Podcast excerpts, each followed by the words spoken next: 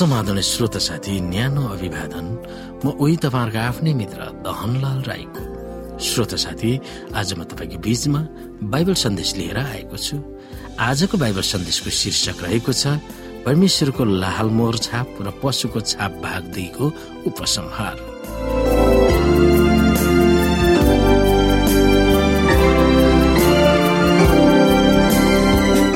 श्रोत साथी जब सुधारवादी वा प्रोटेस्टेन्ट चर्चहरूका इसाईहरूले आफ्ना हातहरू बढाएर रोमन क्याथोलिक चर्चसँग मिल्दछ वा हातेमालो गर्दछ जब दुवै प्रोटेस्टेन्ट र रोमन क्याथोलिक चर्चले आध्यात्मवाद वा तन्त्र मन्त्र गर्ने वा दुष्ट आत्मासँग चलखेल गर्ने धर्म वा दर्शनसँग हात मिलाएर तीन धार्मिक तत्वहरू एक हुन्छन् तब संविधानको प्रत्येक नीति र धारालाई कुल्ची दिनेछ।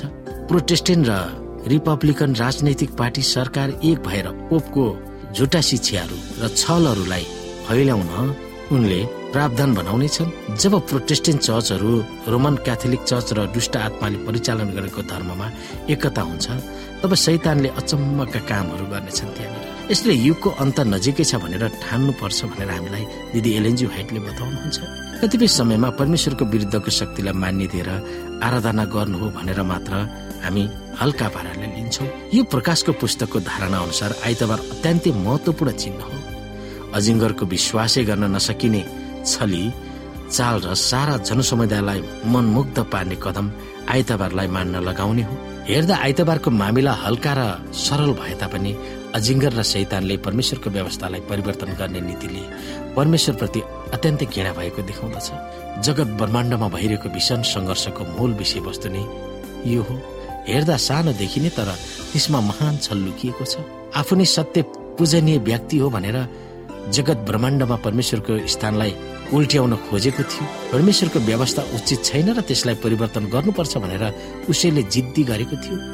परमेश्वर सृष्टिकर्ता र मुक्तिदाता हुनुहुन्छ भनेर पहिचान गराउने दश आज्ञाभित्रको चौथो आज्ञालाई मूर्ति पूजा गर्ने रोम र इसाई भनेर दावी गर्ने रोमन क्याथोलिक चर्चको आडमा शैतानले परिवर्तन गरेको थियो। परमेश्वर मात्र आराधनाको योग्य हुनुहुन्छ भनेर पहिचान गराउने आज्ञा केवल चौथो आज्ञा मात्रै छ। व्यवस्थालाई परिवर्तन गर्दा शैतानले परमेश्वरको चाहनाप्रति घृणा मात्र देखाएन। उहाँ नै पूजनीय हुनुहुन्छ भन्ने धारणालाई नै उसले ध्वस्त पार्न खोजेको थियो। जब विश्वव्यापी रूपमा आइतबारे कानून जारी गरेर परमेश्वरको व्यवस्थालाई परिवर्तन गरेको छ भनेर शैतानले देखाउँछ। तब परमेश्वरको प्रभुत्वमाथि आफू जितेको छ भनेर उसले दावी गर्नेछ। युगको अन्तमा विभिन्न घटनाहरू हुनेछ भन्ने अपेक्षा गरेको समयमा हामी रहे तापनि हामी समयलाई तोकेर वा बाइबल भन्दा बाहिरका अनेकौं अनुमानित तर्कहरू बोकेर हामी किन अतिवादी हुनु हुँदैन त्यो कुरा हामीले विचार गर्नुपर्दछ। यसमा खतरा के छ? मानिसहरूले अपेक्षा गरेको समयमा घटनाहरू भएन भने त्यसले विश्वासमा कसरी धक्का पुर्याउन सक्छ? कतिपय मानिसहरूले पशुको छाप र सतावट आउन सम्भव छैन भनेर सिकाउँछन्। वर्तमान विश्वको परिवेशमा त्यो कसरी हुन सक्छ र भनेर तिनीहरूले प्रश्न गर्छन्। हेर्दा झट्टै ठिकै भएको तर्क देखिए तापनि खास त्यो ठिक होइन। कसरी यो यकिन हुने? यस विश्व घटनालाई हेर्नुहोस् कति छिटो परिवर्तन भइरहेको छ। यो कुरामा हामी कसरी यकिन हुने? जब बाइबलमा भनिएका विभिन्न समयमा गरिएका भविष्यवाणीहरू दर्शनहरू पूरा भइरहेको अवस्था छ। हामी यहाँबाट बुझ्न सक्छौ कि मानिसहरूले जुन कुरा हुँदैन भनिरहेको छ। तर हामीलाई थाहा छ बाइबलमा भनिएका भविष्यवाणीहरू राज्यको विरुद्धमा राज्य जातिको विरुद्धमा जातिहरू खडा हुनेछन् ठुल्ठुला भूकम्पहरू जानेछन् महासङ्कटहरू आउनेछन्। यी कुराहरू आज संसारमा पूर्ण रूपमा बिस्तारै बिस्तारै पूरा हुने प्रक्रियामा गइरहेको छ। हामीलाई यो पनि थाहा हुनु जरुरी छ कि जुन कुराहरू पूरा भइरहेको छ त्यस्तै जुन आइतबारे शिक्षा तपाईँ र मेरो बीचमा लाद्नलाई मानिसहरूले तयारी गरिरहेको छ। शैतान यसमा अगुवाई गर्दछ। शैतानको भीषण युद्ध यसमा भइरहेको छ। मानिसहरूलाई कसरी झुटा शिक्षा प्रदान गर्न सकिन्छ र मानिसहरूलाई कसरी छल गर्न सकिन्छ भनेर शैतान रात दिन लागिरहेको छ। अहोरात्र खटिरहेको छ। तब मानिसहरूले जुन पशुको छाप निधारमा लिइसकेको छ र उनीहरूले आइतबारे शिक्षालाई अगुवाई गर्दैछ धेरै मानिसहरूलाई यहाँ जमघट गराउँदैछ र ज जसले त्यो कुरालाई पालना गर्दैन तिनीहरू चुनिएकाहरू हुनेछन् र तिनीहरू थोरै हुनेछन्।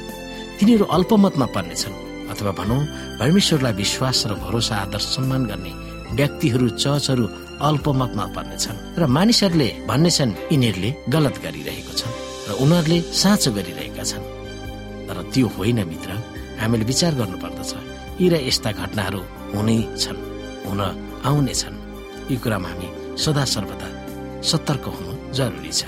श्रोता अन्त्यको दिनमा हामीहरूलाई बहकाउने सैता दिहावलस हाम्रो नजिकमा आउनेछन् र हामीलाई भरसक्दो मिठोसँग सम्झाउनेछन् बुझाउनेछन् फकाउनेछन् त्यो मानेन भने जबरजस्ती गर्नेछन् र अन्तिममा हामीलाई टाट्ना दिनेछन् र हाम्रा सम्पूर्ण कुराहरू खोसिनेछन् त्यतिखेर। ती कुराहरूमा हामी विचार गर्नुपर्दछ र यसो हुँदैमा अन्त्य भन्ने हुँदैन। तब हामी जब समस्यामा पर्छौँ जसरी हाम्रो हक अधिकारहरू खोसिन्छ त्यसपछि अन्त हुनेछ र न्याय स्वर्गमा हुनेछ। जसले परमेश्वरको महिमालाई र सावतलाई तोड्न सक्दैन उनीहरूलाई परमेश्वरले विजय मुकुट लगाउनुहुनेछ। र संसारमा हामी अल्पमतमा परे तापनि स्वर्गमा हामी विजयको मुकुट लगाउनेछौँ। यिनै कुरामा हामी विश्वास गर्न सक्दछौँ।